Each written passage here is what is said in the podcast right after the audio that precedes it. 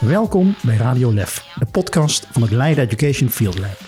In deze podcast nemen we je mee in echte verhalen van Leidse onderwijshelden. Voor iedereen die kinderen en jongvolwassenen wil laten groeien. Met in deze aflevering Marieke van Ierschot en Rijer Ploeg van Kenniscentrum Professionaliseren de Onderwijspedagogisch Praktijkonderzoek. En heb je dan ook een speciale plek waar je dat dan gaat doen? Ja, ga ik hier staan. Nou, daar gaat hij hoor. Roepie! Roepie! Roepie! Mijn naam is Bram Enning en dit is Radio Lef. Vandaag hebben we een bijzondere uitzending. We gaan naar een stukje land tussen Leiden en Oestgeest op bezoek bij een verborgen stukje natuur. Verscholen tussen de hogeschool en het landje van Bremmer gebeurt één keer per maand of een paar keer per maand iets bijzonders. Tijdens werktijd zwerven daar cursisten rond over de kwekerij en zijn bezig met takjes, blaadjes, paddenstoelen, pissenbedden, muziek. En als je geluk hebt, hoor je ook nog de lokroep van de roepie roepie vogel. Maar vooral gaan ze aan de slag met elkaar en hun omgeving. En daarover ga ik in gesprek met Rijer en Marieke. Marieke, ik schetste net dat beeld. Wat gebeurt daar bij die kwekerij? Ja, je schetst het al heel mooi. Ik zie het helemaal voor me. Ja, dat is uh, kwekerij De Groene Cirkel. Daar gaan we dan heen met dit uh, traject, studiebegeleiding natuur en muziek. En uh, wat gebeurt daar? Ja, we zijn daar buiten in de natuur. En het is een heel mooi afwisselend stukje natuur, want je hebt een stuk bos en het is een kwekerij en een, een, een moestuin. En er staat een kas waar we als het regent of heel hard waait ook kunnen gaan zitten. En dat is een beetje de thuisbasis van het traject. En het lekkere is als je daar vaker komt, dan weet je ook de paadjes te vinden of bepaalde bomen die uh, zo mooi zijn of waar je stil bij kan staan of het bankje waar je even kunt praten. Ja, precies. En het gaat dus eigenlijk om die, die, die cursus waar we het vandaag over hebben. Dat is studiebegeleiding natuur en muziek. Ja. En dat is een professionaliseringstraject voor docenten in het... Ja, op onze hogeschool. En in eerste instantie voor de, mijn collega's van de afdeling of faculteit educatie. Maar het is een heel mooi traject wat ook uitgebreid kan worden uh, voor collega's die op de hogeschool, die studenten begeleiden in allerlei vormen, leercoaches, studiebegeleiders. En eigenlijk begeleiden alle docenten wel studenten.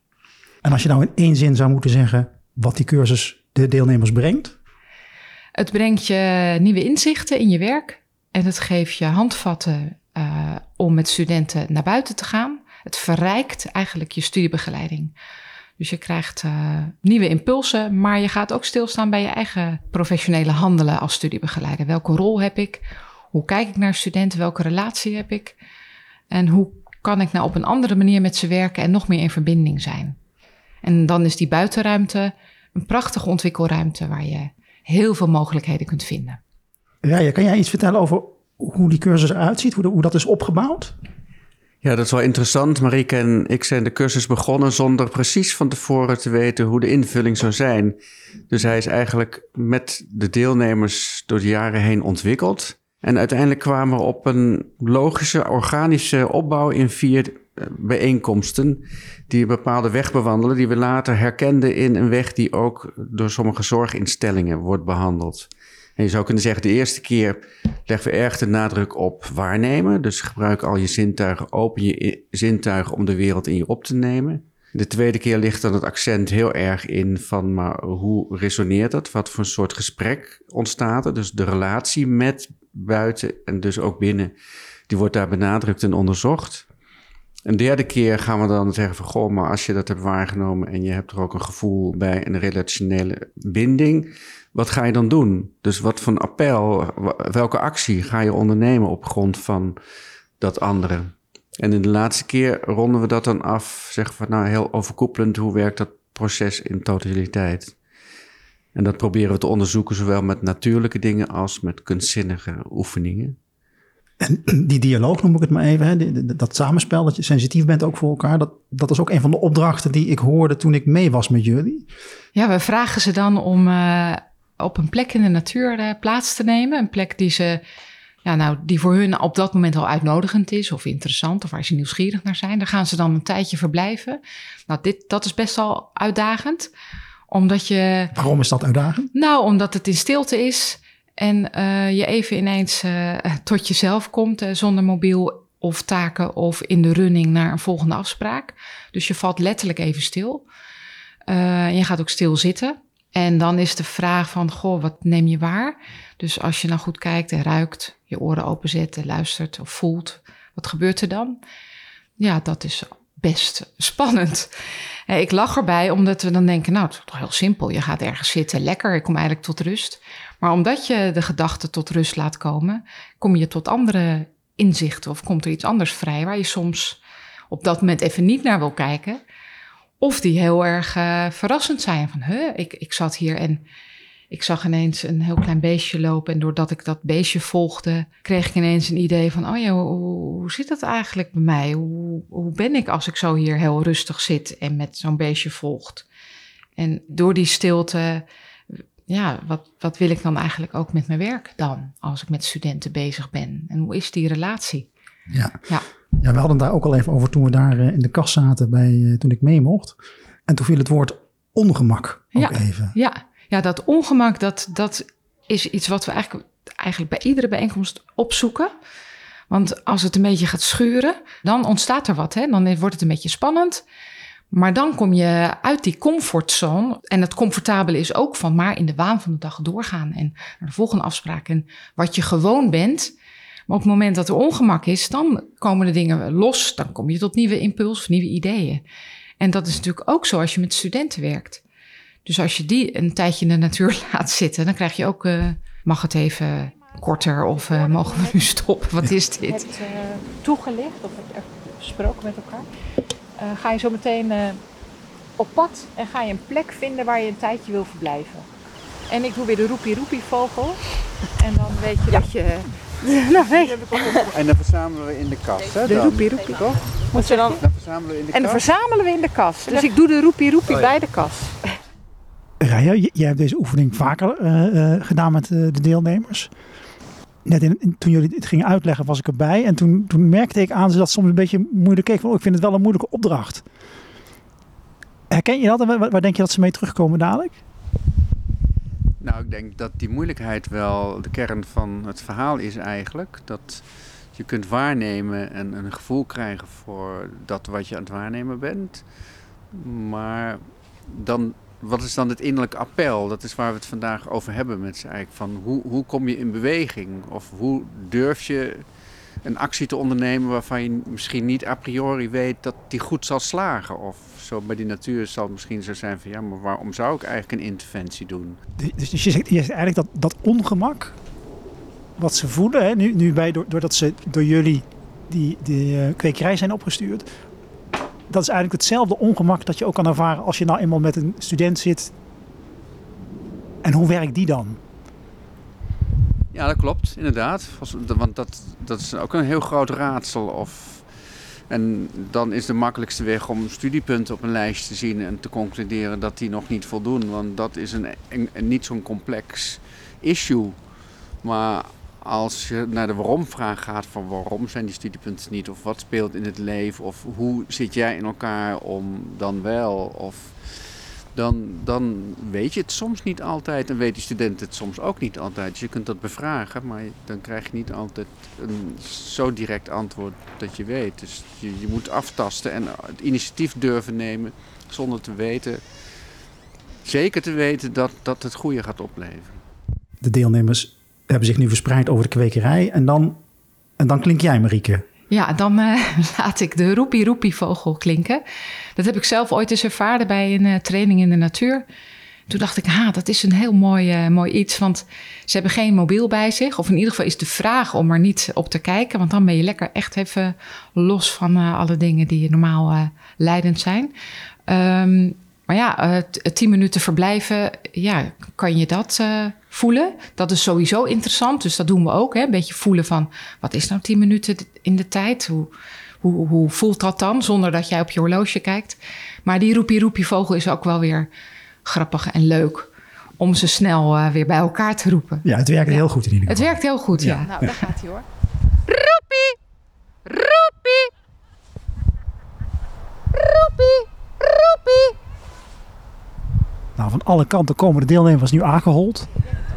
Blijven staan. Dat ik, oh wat leuk. Dat ik, oh ik krijg er zoveel van. Warmte en energie. En dat ik, oh ja. Maar goed, dat geef je dan terug aan de zon. Er zat niks voor. Het was, nou weet je, ik zing een klein liedje. Maar dat voelde toch niet helemaal eerlijk. Dat ik, dat is toch, toch niet helemaal... Nou weet je, ik kan de zon ook nog wel een belofte geven. Dat ik deze week één keer vaker de fiets ga pakken dan de auto. Het er heel netjes Dus nou, ik denk, uh, we staan weer kiet. De opdracht die de deelnemers krijgen is om de natuur in te gaan, een plek op te zoeken waar zij wat bij voelen of waar, zij wat, bij, nou, waar wat gebeurt voor hen. Maar jullie vragen ze ook om daar dan vervolgens uh, een bijdrage aan te leveren of een, of, een, of een, jullie noemen dat geloof ik, in actie te komen. Kan je er eens over vertellen, Rijen? Ja, dat klopt. Je was bij de derde bijeenkomst en dan is dat de vraag van... goh, wat neem je daar waar en welk verhaal is er dan? En dan heb je een soort innerlijke dialoog of wat voel je er zelf bij? En vanuit dat sensitieve moment is dan de vraag van... goh, maar je bent de studiebegeleider. Jij bent degene van wie verwacht wordt, of de docent in de klas... dat hij nu een actie onderneemt. Uh, en soms weet je niet wat die actie is... Kan jij wat voorbeelden geven, Marieke, van wat er dan bij die eh, wat deelnemers doen, welke acties ondernemen, wat ze. En dan bedoel je daar in de natuur? Ja. Ja, dus uh, halen iets weg. Dus uh, oké, ik zit hier en ik, ik, ik kijk naar een boom en er liggen bladeren en takken en ik haal een tak weg. Wat gebeurt er dan? Oh, dan vallen er ook blaadjes weer anders. Dan komt er iets anders in zicht, omdat die tak weg is en daarop lag. Hè? Je ziet bijvoorbeeld pissenbedden of andere beestjes die ineens vrijkomen. Uh, of ik voeg iets toe, dus ik leg expres nog wat meer bladeren, bladeren bij die boom. Oh, dan zie ik de boomstam iets minder. Of er is een andere kleurschakering op die plek. Of ik voel in ieder geval al die bladeren, dus er gebeurt al iets omdat ik lekker met mijn handen in die bladeren zit. Dus ik, ik ben als onderdeel van die plek, doe ik iets en er ontstaat dan altijd iets. Want je bent in contact letterlijk met de natuur met je handen of door iets te pakken of weg te halen.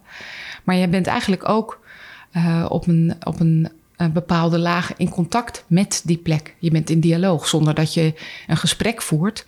Maar het is misschien ook wel een innerlijk gesprek. Nou, ik net zat te denken naar aanleiding van ons gesprek. Jij had twee foto's waarbij je zei van... Ik laat het eventjes zo. Want dat is vaak ook het beste voor de natuur. Hè? Van ik weet niet of ik iets verstoor. Of, of ergens optrap. En ik, ik zit dan heel erg te denken ook als je bijvoorbeeld in gesprek bent met een student of een begeleiding hebt, dat het soms ook veel beter is om even achterover te leunen en gewoon te horen en te luisteren van wat diegene te vertellen heeft, in plaats van meteen tot actie over te gaan. Ik denk dat dat wel, uh, dat verbindt ook, ik heb hiervoor twee jaar geleden ook een cursus over begeleiden gevolgd. En daar hadden we het ook over letterlijk dat je dat kan voelen in je lichaam. Dan moesten we een oefening doen. Uh, moest je een, gesimuleerd gesprek voeren. En dan zie je toch wel dat iemand op een bepaalde manier iets gaat doen in zijn houding of zijn of doen. En dan was de bedoeling van draai dan dan maar eens even om. En doe het gesprek nu eens opnieuw. En dat lijkt dan een beetje vaag en weet ik wat. Maar toch als je dat zelf doet, dan voel je ineens van, oh ja, misschien moet ik gewoon even niks doen in dit. Uh... En dat was bijna de uitkomst bij, bij elk gesprek toen. En ik, daar moest ik dan ook heel erg aan denken toen ik jou uh, een verhaal zo hoorde. Ik denk, ja, soms zijn we geneigd om heel erg in te grijpen, want dan doen we iets en dan wordt het vaak beter. Terwijl heel vaak niks doen en het gewoon laten, ja, hè, dat dat toch vaak tot een betere opening leidt voor de vervolgstap. Ja, terwijl het soms wel ongemakkelijk voelt. Dat, dat, als je, dat je dan zo of, of een stilte laat vallen of iemand daarover laat nadenken, is toch ja, wel ongemakkelijk. En wat jij zei ook net van dat het een opdracht is waar je niet gelijk denkt: oh, oh, ik ga dit doen en dat wordt de uitkomst. Dat is ook iets wat leerlingen en studenten ook moeten leren. Dat ze best een beetje even dat ongemak ook mogen voelen van oké, en nu? Dat het niet maar altijd zomaar gaat. En ik denk ook dat het soms veel tijd nodig heeft. Want vaak willen we dan op korte termijn resultaten zien. En in begeleiding heb ik in ieder geval met mijn studenten nu ook, die, die ik nu in begeleid, heel erg gemerkt van ook pas na 10 weken, 15 weken of zo in begeleiding, zie je pas echt dat, dat je ziet van, oh ja, dit heeft het nou opgeleverd. En dat kan niet in twee of drie weken. Terwijl je dat dan wel wenst van, oh ja. Laat staan in een gesprek. De dus actie. Wij zijn, wij zijn heel erg gericht op de actie en snel oplossen. En quick fix soms nog wel eens. Hè? Of in ieder geval gauw, want anders dan loopt ons hoofd over. Dus we willen wel even weten waar we aan toe zijn. Terwijl we ook de tijd hebben te nemen en de doorwerking mogen ervaren. Hè? Dus, eh, en dan komt er soms juist iets veel waardevollers of betekenisvollers uit. Ja. En eh, die tijd nemen we vaak niet. Oh, ik krijg gewoon druppels. Die tijd nemen we vaak niet in ons werk. Toch? Om daar even echt om die, om die, Nou, die tijd is die, er niet... die eh, tijd. Nee. De, de deelnemers die ervaren van alles, die, die, die gaan eigenlijk ook met zichzelf en met elkaar in gesprek. Wat doet dit met mij? Maar dan moet er een stap gemaakt worden naar de klas. Ja, Naar hun eigen leerlingen. Bij de een zijn dat groep achters, bij de ander zijn dat zij en stromers. ja. Hoe doen jullie dat? Hoe, hoe, hoe zorgen jullie voor die vertaling van wat de deelnemers in jullie eh, professionaliseringstraject ervaren naar hoe zij die vertaling kunnen maken naar hun eigen werkomgeving? Kan jij daar een voorbeeld van geven, Rijen? Nou, eigenlijk tasten wij, Marieke en ik, altijd samen af van goh, hoeveel concrete dingen leef je in die je morgen zomaar in de klas kan doen. En hoeveel eh, zet je alleen maar aan en zeg je van goh, maar ga nu zelf onderzoeken en experimenteren en uitvinden wat jij met de groep die je voor je hebt te doen hebt. En we vragen hen dat ook te doen en voor de volgende keer eh, eh, door een actiekaart verslag te brengen. Dus van goh, we willen elke keer halen we weer op van wat heb je nu de afgelopen tijd geprobeerd en wat lukte, hoe ging dat? En dan, daarmee verrijken we elkaar ook weer en krijgen wij ook een reflectie op. Konden ze er direct iets mee of hebben we ze alleen maar problemen meegegeven? Het helpt wel om na zo'n zo'n opdracht het altijd ook weer even naar heel concreet de, de klas in te brengen eigenlijk. Hè? Of dat een klas met kinderen is of met studenten. Dus zo'n voorbeeld als ik voeg iets toe of ik haal iets weg of ik ga in dialoog met de natuur. Dat doe je natuurlijk bij studenten ook. Dus je doet niks, want je denkt nou, hè, dat niets doen is ook een keus. Nou, ik laat het eventjes, want het, het gaat goed. Of het is juist goed voor hem of voor haar om dat ik even los ben. Of ik ga eens in gesprek. Ik kom in actie, want die student heeft nog iets extra's nodig. Of ik ga echt sturing eh, geven. Nou, dat weet ik uit mijn eigen praktijk. Dat je echt wekelijks tegen een uh, zegt. En denk je misschien wat kinderachtig. Maar soms is dat heel helpend als leercoach. Om te zeggen, joh, volgende week vind ik het fijn als je dit even aanlevert. Of dat we even contact hebben via de app of de mail. Want dan voelt hij of zij zich gesteund. En dan is die studie, die best al pittig is naast, eh, naast eh, een baan, om daar weer verder mee op weg te kunnen. Dus dat is heel concreet van oké, ik kom in actie. Ik heb die dialoog gehad met die natuur, maar ik ben met die student ook constant in dialoog. En onderneem iets.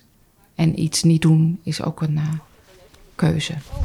Wat doe je dat? Breng je dat dan in bij die groep? Nou, ik vertel ze dan wel ehm, wat wij dan zeg maar ook leren. En dat ik als juf ook nog dingen leer. En dat wij dat dan hierover hebben. En dat we dan ook studies lezen die dan echt wel blijken dat gewoon in de natuur zijn alleen al helpt. Dus ja, ik doe dan soms van nou oké, ik heb de uitleg gegeven. Pak je schrift. We hebben een heel groot grasveld omhuld met bomen voor onze school. Nou, ga daar maar zitten. En dat vinden ze in het begin heel raar. En dan eh, nu is het ondertussen dat ik zeg ja, en de dicté gaan we een beetje anders doen. Gaan we naar buiten, is het dan. En eh, gisteren had ik dan iets met, met rennen en met krijt op het plein schrijven. En het is dan niet per se echt natuur, maar ze zijn wel buiten. En ehm, we hadden ook een keer, en ik weet niet eens meer of dat hier was of dat ik dat ergens anders heb gelezen of heb gehoord, dat je van regen gewoon gelukkig wordt. Volgens mij was dat uit de podcast. En het had ook net geregend. En toen oh ja, maar het is nog nat buiten, dus dat geeft niks. En sommige kinderen vinden het helemaal niks, maar er zijn ook heel veel die zeggen, oh, was toch wel even, even lekker. Ja. Ja. De van mijn vrijdag nog, want ik sta dan voor eh, groep 4 op vrijdag. Toen was het echt een hele dag slecht. En normaal gesproken doe ik altijd met dicté of iets ga ik naar buiten. Nu heb ik het niet gedaan, want het was echt keihard aan het regenen. Maar ik dacht wel in de pauze, ook al regent het, ik ga wel naar buiten. Ja. Terwijl heel veel collega's blijven binnen. Die gaan dan mogen ze spelletjes doen uit de spelletjeskast of wat dan ook. Maar ik dacht, nee, hoe dan ook, dan worden ze maar nat. Maakt niet uit. We gaan naar buiten. Dus ik ben echt naar buiten gegaan. Ook al was het aan het regenen. Ja, dat was ook zo grappig. Er was een enorme plas op het schoolplein, want er lag natuurlijk zoveel water. En er was één collega die zei van nee, kom eens uit die plas, kom eens uit die plas. En een andere collega zei, nou van mij mogen ze gewoon hoor. Ja, als ze met natte sok in de klas zitten, maar ja, moet zij weten. Dat dacht ik, dat is ook heel mooi. Want de ene collega mag dat dus niet. Want kom, ja, je wordt nat, kom uit die plas. Maar van de andere collega mocht het wel. Maakt niet uit als ze helemaal nat eh, in de klas zouden zitten. En wat de effect dan daar Want ze willen juist in die plas. Ja, ja, ja, ja. Marieke, kan je iets vertellen over het ontstaan van, de, van dit traject? Ja, het is ontstaan eh, een beetje aan het einde van de coronatijd. Omdat we wel zagen dat studenten vastliepen in hun studie. Door alleen op hun kamer te zitten en weinig in contact te zijn met, uh, met medestudenten. En we vonden het belangrijk om iets te ontwerpen wat, als ze weer terug zouden zijn, wat hun ja, de, en zou helpen in weer het welbevinden of het welzijn weer terugvinden. En toen dachten we, ja, de natuur en muziekkunst, dat heeft natuurlijk een hele mooie restauratieve werking, om het maar zo te zeggen. Dus je herstelt daar weer, weer door. Dus zo hebben we dat, vanuit die behoefte is dat toen ontstaan. Zoals wij erover praten hier nu aan tafel, hè, is het soms best abstract. Ja. En uh, jij zei het al, Rijer, we willen niet gewoon een, een, draaiboekje of een stappenplan uh, afleveren en dat volg je dan en dat is het dan. We willen nou juist die, die deelnemers aan het denken zetten. Is dat voor iedereen geschikt, zeg maar, die, die, deze vorm die jullie aanbieden? Nou, eigenlijk tasten wij steeds af van is het geschikt voor de deelnemers die we nu hebben. Echt op maat is het eigenlijk. Op maat. Dus ja. wij hebben wel een bepaalde vorm gevonden waarin thema's passeren. Maar hoe concreet? Dus wij weten nu, oh, nu de derde keer uh, was een bepaalde opdracht misschien net niet concreet genoeg? Of was er heel veel ongemak verhoudingsgewijs? En kwam er ook een vraag van: Goh, ik dacht, ik hoopte dat we iets met muziek zouden doen. En dat betekent dat wij elke volgende bijeenkomst weer opnieuw voorbereiden. Om dan te reflecteren van hoe is het met deze groep? Want dat is altijd, dat is gewoon een onderdeel van waar we het eigenlijk over hebben. Dat je nooit van tevoren weet wat je te doen staat. En dat je het altijd moet aftasten in de relatie, in de dialoog met de ander. De keer dat ik mee was, had ik vooral het idee dat ze jou wilden horen zingen. Dat ze mij wilden horen zingen. Ja. ja, ja. nou ja, dat is soms lastig als je dan zo'n poos in de natuur bent en vraagt van gewoon nu is hier een natuurlijk kunstwerk gemaakt. Ga dan een, een muzikale uh, versie van presenteren, dan is het blijkbaar toch een grote drempel. Te meer dat je buiten bent, denk ik. Want toen wij binnen een keer een muzikale opdracht deden, waren ze eigenlijk best uh, heel vrij in de inzet en in meegaan. Dan en, was die behoefte ook gewekt. Ja. En dan buiten in zo'n bos waar ook andere mensen wandelen, is er handelingsverlegenheid, noemen we dat tegenwoordig. Ja. ja. Ja, dat is enerzijds omdat in zo'n lokaal, dat is een bekende omgeving en er lagen ook instrumenten. Dus dat roept al meteen iets op. Oh, en ik pak een instrument, dus ik ga muziek maken. Maar in die buitenomgeving liggen natuurlijk heel veel instrumenten. Hè, als je het even zo bekijkt. Alleen om daarmee muziek mee te maken, daar zijn we vaak nog mee onbekend. Dus in dit, dit geval hè, is er dan ongemak.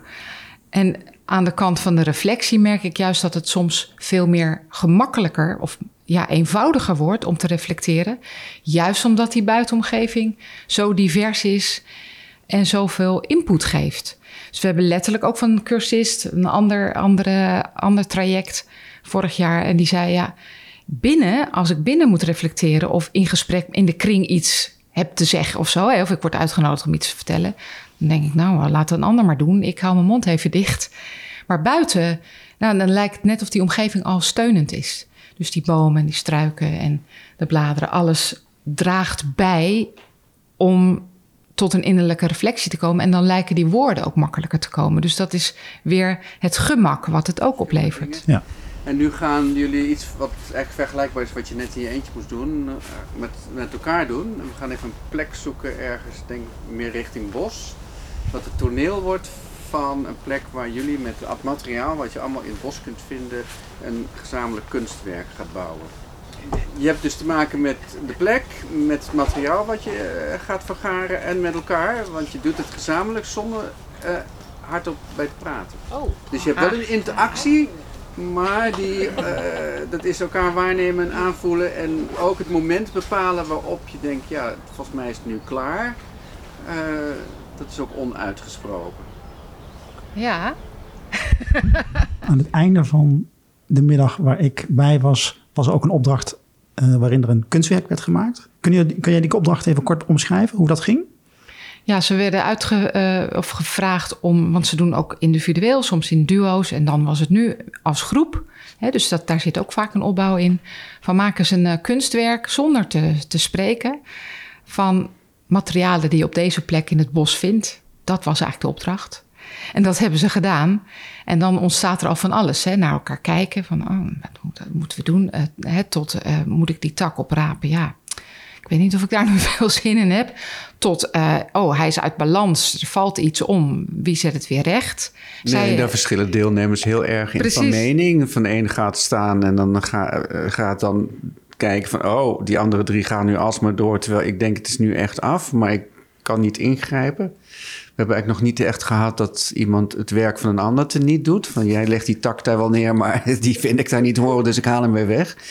maar dat is wel eh, Ja. het spel wat je probeert. Dat is in een echte klas misschien wel anders. Ja, dat zou maar zo anders kunnen zijn. Ja. Dat daar, eh, ja, dat, En dat is dan ook het vervolg van eh, voeg iets toe of haal iets weg en kijk wat er dan gebeurt. En dat doen ze dan in tweetallen.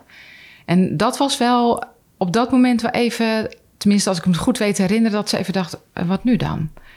We hebben dan een kunstwerk en dan, hè, dan moeten we iets weghalen of iets toevoegen. Het was toch klaar? het is toch al klaar? Maar ja, zo is het natuurlijk ook in de, in de begeleiding. Er komt altijd weer iets nieuws. Er volgt altijd weer iets op iets anders. En als je naar een student kijkt, stel dat de student het kunstwerk is, dan is het niet, het is niet klaar. Nee. Het is nooit af. Nou, jullie zijn het eens. Ja. Met hoofdknikken. Er was al een heel klein eerder momentje, maar toen waren er toch nog twee Ja, mensen die dachten... ja. eh, We ja. gaan toch nog even door. En daarvoor zag ik jou nog ergens daar zoeken. Ja, dat eh, moois. kunnen jullie iets zeggen over het appel, wat dit doet? En Zo'n plek die je gekozen hebt. Het... Het was eigenlijk een beetje twee om twee. Tenminste in de zin van jullie begonnen hier en wij begonnen een beetje daar. En toen was het van ja, soms moet je iets... eh, Compromis. Ja. maken. ja. We hadden toch de overhand.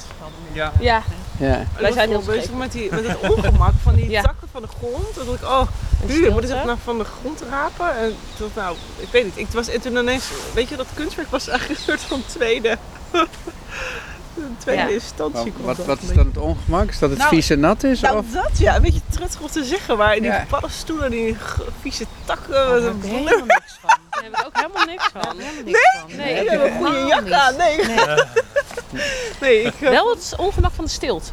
Oh, echt? Ja. Ja, dat heb ik ook graag giechelen. Ik zag jou meteen in het begin al een beetje zo mimisch uitleggen van hier zou het kunstwerk wel kunnen. Dus zo, zo kijkend en met je handen gebarend van hier kan het dan wel. Dat was heel grappig om te zien. Dat je dan toch iets zoekt om te kunnen communiceren. Een van jullie was het geloof ik die daar die lange tak met die dunne sprieten Ja. eh, hierheen ik, ja. bracht en toen Ja. weer terugbracht. Dat, maar wat was je overweging om te denken, ik voeg dit toe, oh nee, ik doe het toch maar niet. Nou, precies wat ik aan het begin vertelde. Ik dacht, nou, die is mooi droog. Hij heeft droge plukjes. Ik krijg niet zoveel vieze handen. Dus die pakte ik en toen dacht ik, ach, het past er helemaal niet bij. Oh. Nou, oh, de titel. Onder hele hoge bomen. Het zijn hele hoge bomen hier natuurlijk waar we onder staan. En er is eigenlijk een heel klein soort ja, huisje gecreëerd. Met eh, een afscheiding. En het is ook een verzamelpunt voor besjes en bladeren waar je iets kunt halen. Maar ook waar je even tot rust kan komen. Om je even te kunnen verschuilen onder deze hele hoge bomen. Prachtig. Ja, fantastisch. En Ja. mooi dat jullie ook zo dit als gids hebben verteld in dit bijzondere natuurmuseum. En jullie Kijk, horen begreep hoor. ik ook het lied er enigszins bij in je hoofd. Oh. Hoge bomen, of hoe heet hoe gaat dat? Zoiets, ik weet het niet meer. Zoiets, ja.